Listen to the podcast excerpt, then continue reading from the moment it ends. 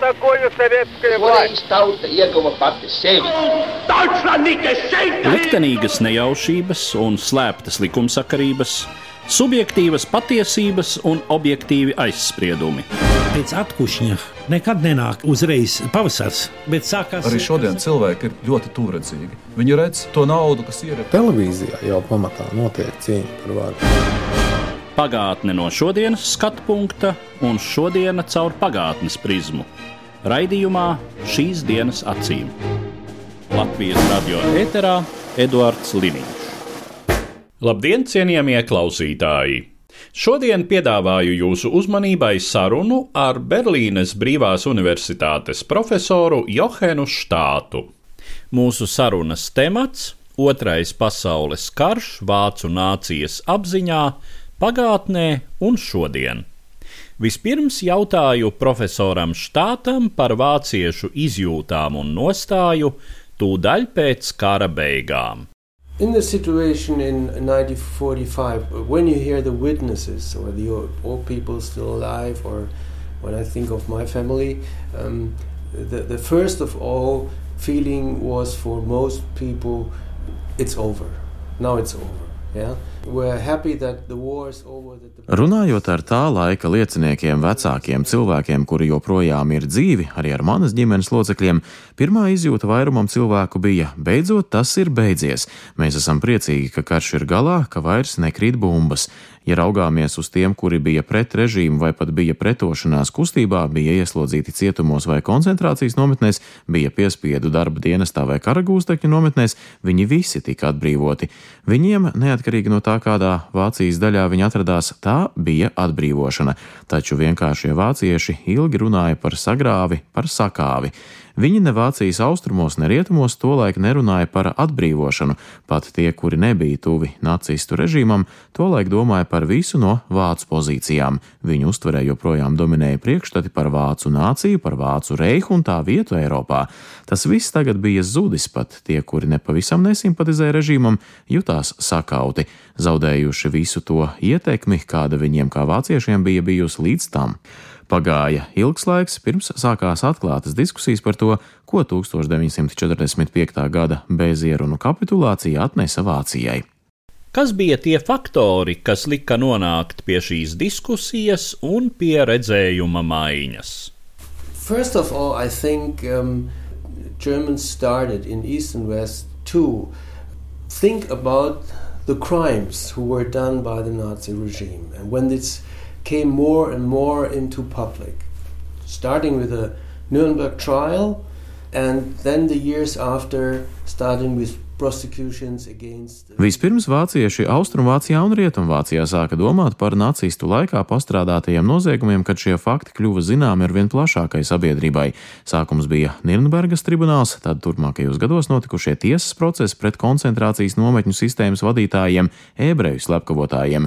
Tad Rietumvācijā ar vien plašāk izvērtās diskusijas par to, kāda rakstura režīmā vācieši ir dzīvojuši pirms 45. gada.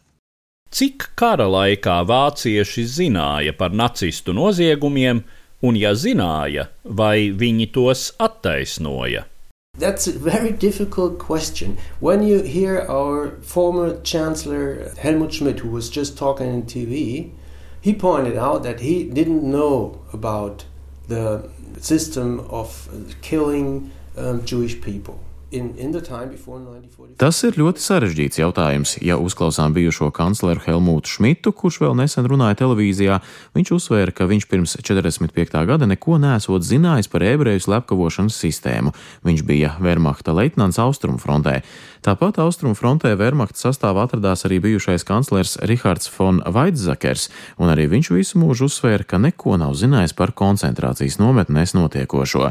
Grūti teikt, vai tā bija patiesība, vai arī viņi pēc 45. gada to izslēdz no savas apziņas, lai varētu dzīvot tālāk.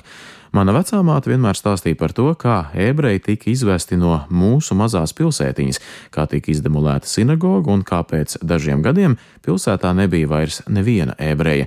Viņa zināja, ka ebreji ir aizvesti uz koncentrācijas nometnēm un klīda baumas par to, kas tur notiek. Viņa to zināja, bet ir grūti teikt, vai zināja visi. Daudzi zināja, daudzi bija redzējuši ebreju aizvešanu no viņu mājām uz koncentrācijas nometnēm un saprata, ka viņi neatgriežas un arī neraksta no turienes. Mana otra vecmāmiņa ilgu laiku sarakstījās ar savu ebreju tautības skolas biedru, kurš tika ieslodzīts Terezienas štatas koncentrācijas nometnē, bet izdzīvoja un vēlāk pārcēlās uz Izrēlu. No šīm vēstulēm viņi uzzināja par pašu Terezienas štatas nometni, un, lai arī viņš neaprakstīja konkrētas detaļas, no šīm vēstulēm varēja iztēloties tur notikušo.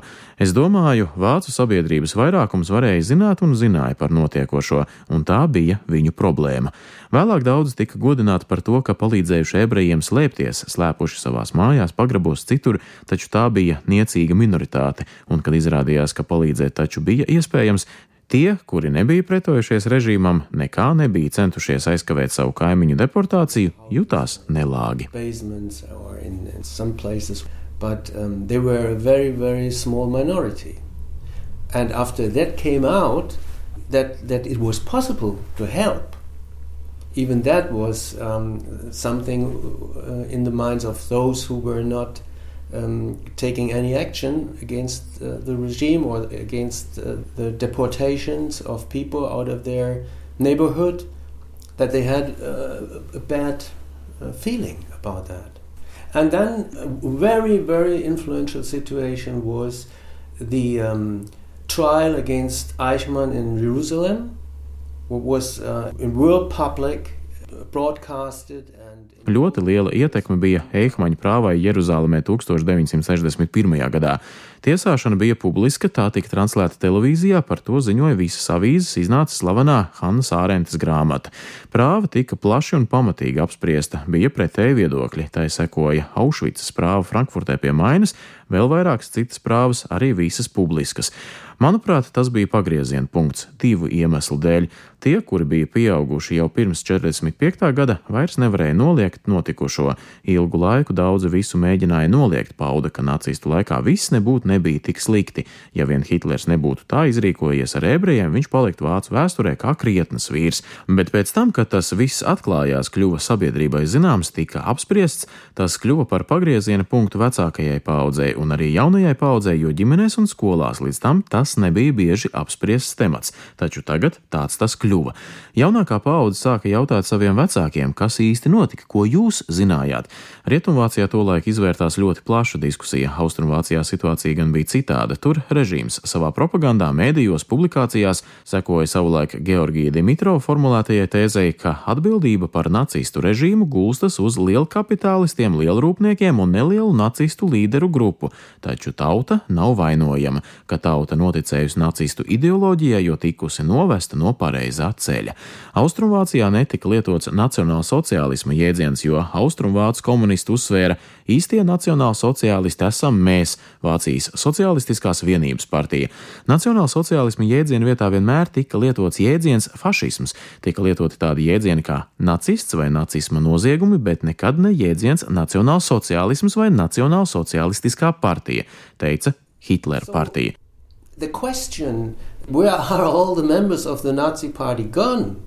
Yeah, they were, it were over 6 millions in Germany, and so, so there must be. Bet kur tad bija palikuši visi nacistu partijas biedri, kur Vācijā bija 6 miljoni? Attiecīgi, Austrumvācijā varēja būt vismaz 1 līdz 2 miljoni.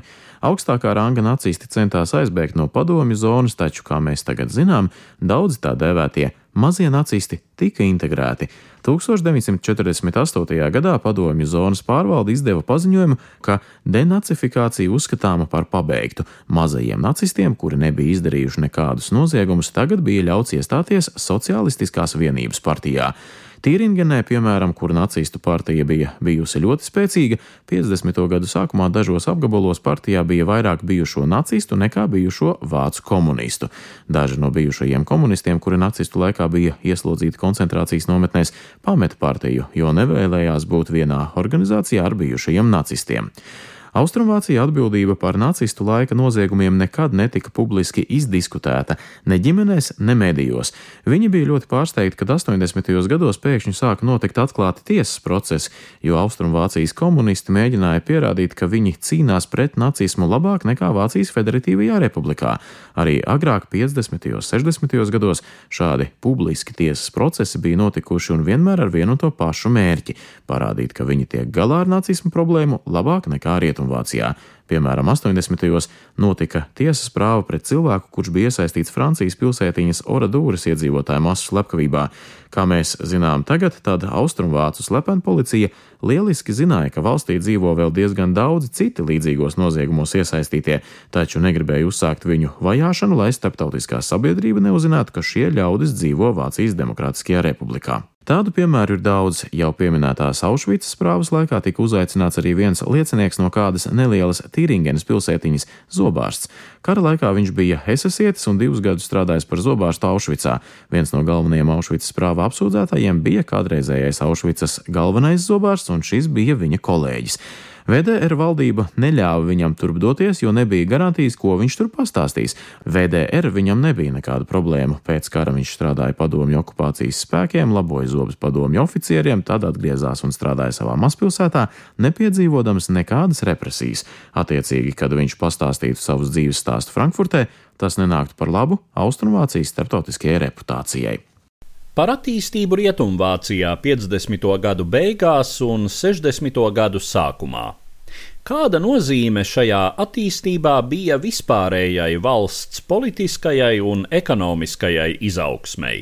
Kāda loma Vācijas ekonomiskajam brīnumam un demokrātijas attīstībai bija nacistiskās pagātnes pārdomāšanā?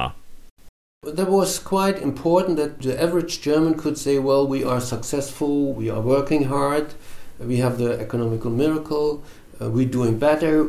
A lot of uh, people were quite um, engaged to be more, more and more better Democrats than anyone else in, in the Western world. Yeah, uh, uh, uh Bija diezgan svarīgi, ka ierindas vācietis varēja teikt, mēs esam sekmīga, strādīga tauta, mums ir mūsu ekonomikas brīnums. Arvien vairāk cilvēku saistīja centieni kļūt par rietumu pasaules paraugu demokrātiem. Parādījās jaunas identificēšanās iespējas, piemēram, Rietumvācijas futbola komanda. Vēsture līdz 50. gadu beigām īpaši netika apspriesta. Kā jau teicu, šīs diskusijas iesākās līdz ar nacistu noziedznieku tiesāšanu 60. gadu sākumā. Šajās diskusijās jaunākā paudze sāka vainot bijušos nacistus, kuri joprojām ieņēma nozīmīgus amatus. Piemēram, 1961. gadā Berlīnes Brīvās universitātes studenti izveidoja izstādi ar nosaukumu Asiņainie tiesneši par tiesnešiem un prokuroriem, kuri joprojām strādāja Rietumvācijas tieslietu sistēmā, bet pirms 45. gada bija darbojušies nacistu terora justīcijā un pat bija atbildīgi par nāvis spriedumiem.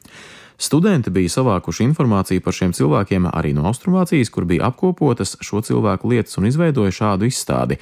Sākotnēji šajā universitātē izstāde pat netika atļauta, rektors to aizliedza. Izstādi atklāja Frankfurtē, tad tā ceļoja pa vairākām Rietumvācijas pilsētām un pēc trīs gadiem tika parādīta arī šeit, jo universitātei bija jauns rektors, cilvēks, kurš nacistu laikā bija atradies trimdā. Un ja mēs redzam, kāda nopietna pretestība tolaik bija šim vienam nelielajam projektam, tad jūs varat iedomāties, cik svarīgi bija uzsākt sabiedrībā šo diskusiju, kas noticis ar kādreizējiem nacistiem, kur viņi ir tagad. Tātad Rietumvācijā izvērtās šī diskusija, savukārt Austrumvācijā plauka pret Rietumvāciju vērsta propaganda. Mūsu vadītāji nav bijuši saistīti ar nacistu režīmu, kamēr Rietumvācijā, piemēram, kanclers Kīzingers gan ir bijis. Kas nebija taisnība, reaģējot uz šo kampaņu, Rietumvācu vēsturnieki uzrakstīja grāmatu par nacistiem vadošās pozīcijās Austrumvācijā un atklāja, ka starp ministru pirmajiem un otrajiem vietniekiem daudzi ir bijušie nacisti.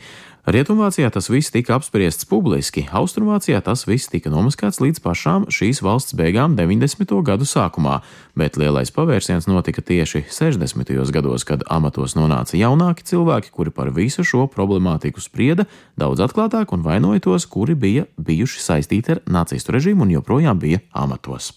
Jūsu pieminētais priekšstats par to, ka Hitlera vienīgā kļūda bija ebreju slepkavošana, bet citādi viņš ir izcils cilvēks, kas prata sakārtot un attīstīt valsti. Cik populārs šis viedoklis bija Vācijā, un vai kaut kas no tā var būt saglabājies arī šodien. I don't think that it remains because uh, the public discussions in the media, the literature, the movies about this time, and, and all these things are so widely open known, widely, uh, well known. By... Nedomāju, ka kaut kas no tā ir saglabājies. Publiskās diskusijas, mēdījos, literatūra, filmas par šo laiku, tas viss ir tik plaši zināms, tas sasniedz ikvienu parastu cilvēku, ne tikai vēsturniekus vai žurnālistus. Attiecīgi šāda domāšana nevar būt saglabājusies nevienā nozīmīgā mūsu sabiedrības daļā. Ir, protams, ļoti mazas galēji labējo grupas, kas seko tādai ideoloģijai, bet šīm grupām nav ietekmes sabiedrībā. Pat radikāli labējā Nacionāla demokrātiskā partija atklāti neatzīst, ka tā sekotu nacistu ideoloģijai. Nedomāju, ka tā šobrīd vairs ir problēma, bet 60. gan vēl bija. Liels iespējas bija amerikāņu televīzijas seriālam Holokausts, kas tika izrādīta 70. gados un kam bija liela rezonance gan Austrumvācijas, gan Rietumvācijas mēdījos. Tas bija ļoti svarīgi, jo arī agrāk televīzijā un citos mēdījos bija gan dokumentālās filmas, gan ekspertu sarunas, taču šī filma tiešām aizkustināja cilvēkus līdz sirds dziļumiem. Pat mūsdienās, kad šo filmu izrādīja Austrumvācijā, daudzi cilvēki to noskatījās un dzīvi apsprieda savā privātajā vidē. Kas joprojām, manuprāt, ir saglabājies no nacistu laikiem, tie ir daži antisemītisma stereotipi. Daži no tiem atkal un atkal uzpeld sabiedriskās domas aptaujās, atbildot uz specifiskiem jautājumiem, piemēram, vai banku sistēmā ir neproporcionāli liels skaits ebreju, un ļoti bieži ļaudis atbild jā. Tāda aina pastāvīgi parādījās aptaujās Vācijas Federatīvajā republikā. Savukārt Austrumvācija visu tās pastāvēšanas laiku piekopa pret Izraēlu vērstu propagandu, plaši izmantojot pagātnes antisemītiskos stereotipus. Viņi iztēloja ainu, kurā Amerikas austrumkrasta banku sistēma atbalsta Izraēlu, jo pastāv globāla sazvērestība pret arābiem, pret palestīniešiem. Tā kā šie stereotipi pastāvēja austrumvācu propagandā, mani nebūtu nepārsteidz, ka pēc Vācijas atkal apvienošanās antisemītiski uzskati Vācijas Vācijas austrumdaļā bija stiprāki nekā rietumos. Runājot par vācu tautas likteni kara beigās, par šo šausminošo pieredzi, par bumbu karu, par sarkanās armijas pastrādātajām slepkavībām un izvarošanām, kā tas tika uztverts vienkāršo cilvēku un arī politikas līmenī. The question of um, refugees who had to leave parts of former German uh, territory, who became uh, then Polish or came to Czechoslovakia or, or Russian. What was um, broadly discussed because um, millions of people were coming uh, in, in these days. Jautājums par bēgļiem, kuriem kara beigās nācās pamest Vācu reiham atņemtās teritorijas, kuras tika nodotas Polijai, Čehoslovākijai vai Krievijai, tika plaši apspriests. Miljoni cilvēku kā bēgļi ieradās Rietumvācijā, arī tādās tās daļās, kas līdz tam bija maz apdzīvotas, piemēram, Šlēzvigā, Holšteinā. Gan drīz katrā pilsētā pastāvēja īpašas bēgļu uzturēšanas programmas. Atceros, kad biju bērns, mūsu mājās bēgļi no Prūsijas dzīvoja bēniņos, ar viņiem nodarbojās īpašas institūcijas, un šī situācija tika plaši apspriesta. Tas, kas līdz pat 90. gadu sākumam plašākā sabiedrībā tikpat kā netika apspriests, bija izvarošanas, kuras pastrādāja okupācijas armiju, lielākoties padomju karavīri. Pirmie vēsturnieku pētījumi par to parādījās ap 1985. gadu. Tad parādījās tēma, kas ir aktuāla joprojām, piemēram, diskusijās starp politiķiem parlamentā vai mediju debatēs, proti, tik līdz jūs sākat apspriest pēckara okupācijas armiju militāru personu pastrādātos noziegumus, jūs tūdaļ vaino mēģinājumā mazināt Vācijas vainu. Tas notiek teju automātiski, tiklīdz kāds iekustina šos jautājumus. Piemēram, pirms dažiem gadiem izraisījās diskusija par to, kādi bija militārie ieguvumi no pilsētu bombardēšanas, vai tas nesa kādus militārus panākumus, vai gluži otrādi vācu pilsētu iedzīvotāji tikai ciešāk saliedējās ap nacistu režīmu. Pirms dažiem gadiem iznākot grāmatai par Dresdenes bombardēšanu, par to sākās diskusijas. Tad autors arī tika vainots mēģinājumos notušēt nacistu laika noziegumus. 80. gados Rietumvācijā šī pieeja bija vēl daudz izteiktāka, taču tā joprojām saglabājas. Šī kara vēstures daļa tiek maskēta ar reakciju: mums, kā vāciešiem, nav tiesību runāt par šiem noziegumiem, jo mēs esam atbildīgi par visiem noziegumiem, kas pastrādāti mūsu okupētajās teritorijās. Un kā jūs redzat šīs situācijas tālāko attīstību? As I see in the newer discussions, what is very, very, very important is that the the German uh, community, historians and journalists, and also the public, has to recognize that the remembrance in other countries are different. For example, the Polish people have different Tas, ko es saskatu jaunākajās diskusijās un kas man šķiet ļoti svarīgi, vācu sabiedrībai, vēsturniekiem, žurnālistiem, arī plašākai publikai nākas apzināties, ka kara pieminēšana citās valstīs ir atšķirīga. Poļiem ir atšķirīgs skatījums uz viņu situāciju 45. gadā, un viņi arī ir viena no tās Eiropas daļa. Jūsu valstī, jūsu kaimiņu valstīm ir atšķirīga pieredze, šodien notiek pagrieziens. Jautājums vairs netiek skatīts tikai vācu situācijas fokusā. Tagad šis fokus ir atvērtāks citu Eiropas daļu, sevišķi Austrum Eiropas pieredzēji. Veidojas izpratne, ka atbrīvošana no nacisma un brīvība nav viens un tas pats, ka sarkanās armijas atbrīvošana nedeva brīvību, bet nesa sev līdzi citu diktatūru. Tagad tas tiek apspriests daudz atklātāk nekā to varēja apspriest 80. gados, kad jūs par to nodēvētu par revizionistu. Cik produktīva jums šķiet Polijā un Baltijā gan vēsturnieku, gan plašākas sabiedrības vidū izplatītā pieeja saskatīt līdzības abos totalitārajos režīmos - nacistu un staļiniskajā? Kā jūs vērtējat Timotija Snaidera izvirzīto asins zemju ideju par to, ka visšausminošākie noziegumi tika pastrādāti tieši tur, kur abu šo režīmu varas sfēras pārklājās. A, a time, it was not very easy to talk about the Hitler-Stalin contract in, in West Germany, yeah, because it was uh, put down. Uh, the East German anyway did not talk about it. Ilgu laiku, piemēram, Rietumvācijā nebija viegli runāt arī par Hitlera-Staļina paktu. Arī Austrumvācijā par to, protams, nerunāja, jo abu šo diktatoru vienošanās par polijas jautājumu neiederējās Austrumvācu otrā pasaules kara ainā, bet arī Rietumvācijā vēl 80. gados par to nebija viegli runāt. Tagad tas ir mainījies tieši tāpēc, ka diskusijā ir iesaistījušās Austrumēropas valstis. Polijas pieredze šai ziņā vairs nav ignorējama. Agrāk, kad Polijā valdīja komunistu režīms, poļi nerunāja par to, ko šī vienošanās starp Hitleru un Staļinu nodarīja viņu tautai. Tagad tas tiek atklāti apspriests, jo neviens taču nevar vainot poļus, ka viņi vēlētos mazināt nacistu vainu. Raugoties no šī redzes viedokļa uz situāciju šodienas Eiropā, jo sevišķi mēs Baltijas valstīs saskatām biedējošu līdzību starp attīstību šodienas Krievijā un 20. gadsimta pirmās puses totalitārajiem režīmiem. Domājot par totalitārās domāšanas pārvarēšanu sabiedrībā, kas netika izdarīts pēc komunistiskās sistēmas sabrukuma bijušajā Padomju Savienībā? un ko varbūt varētu darīt.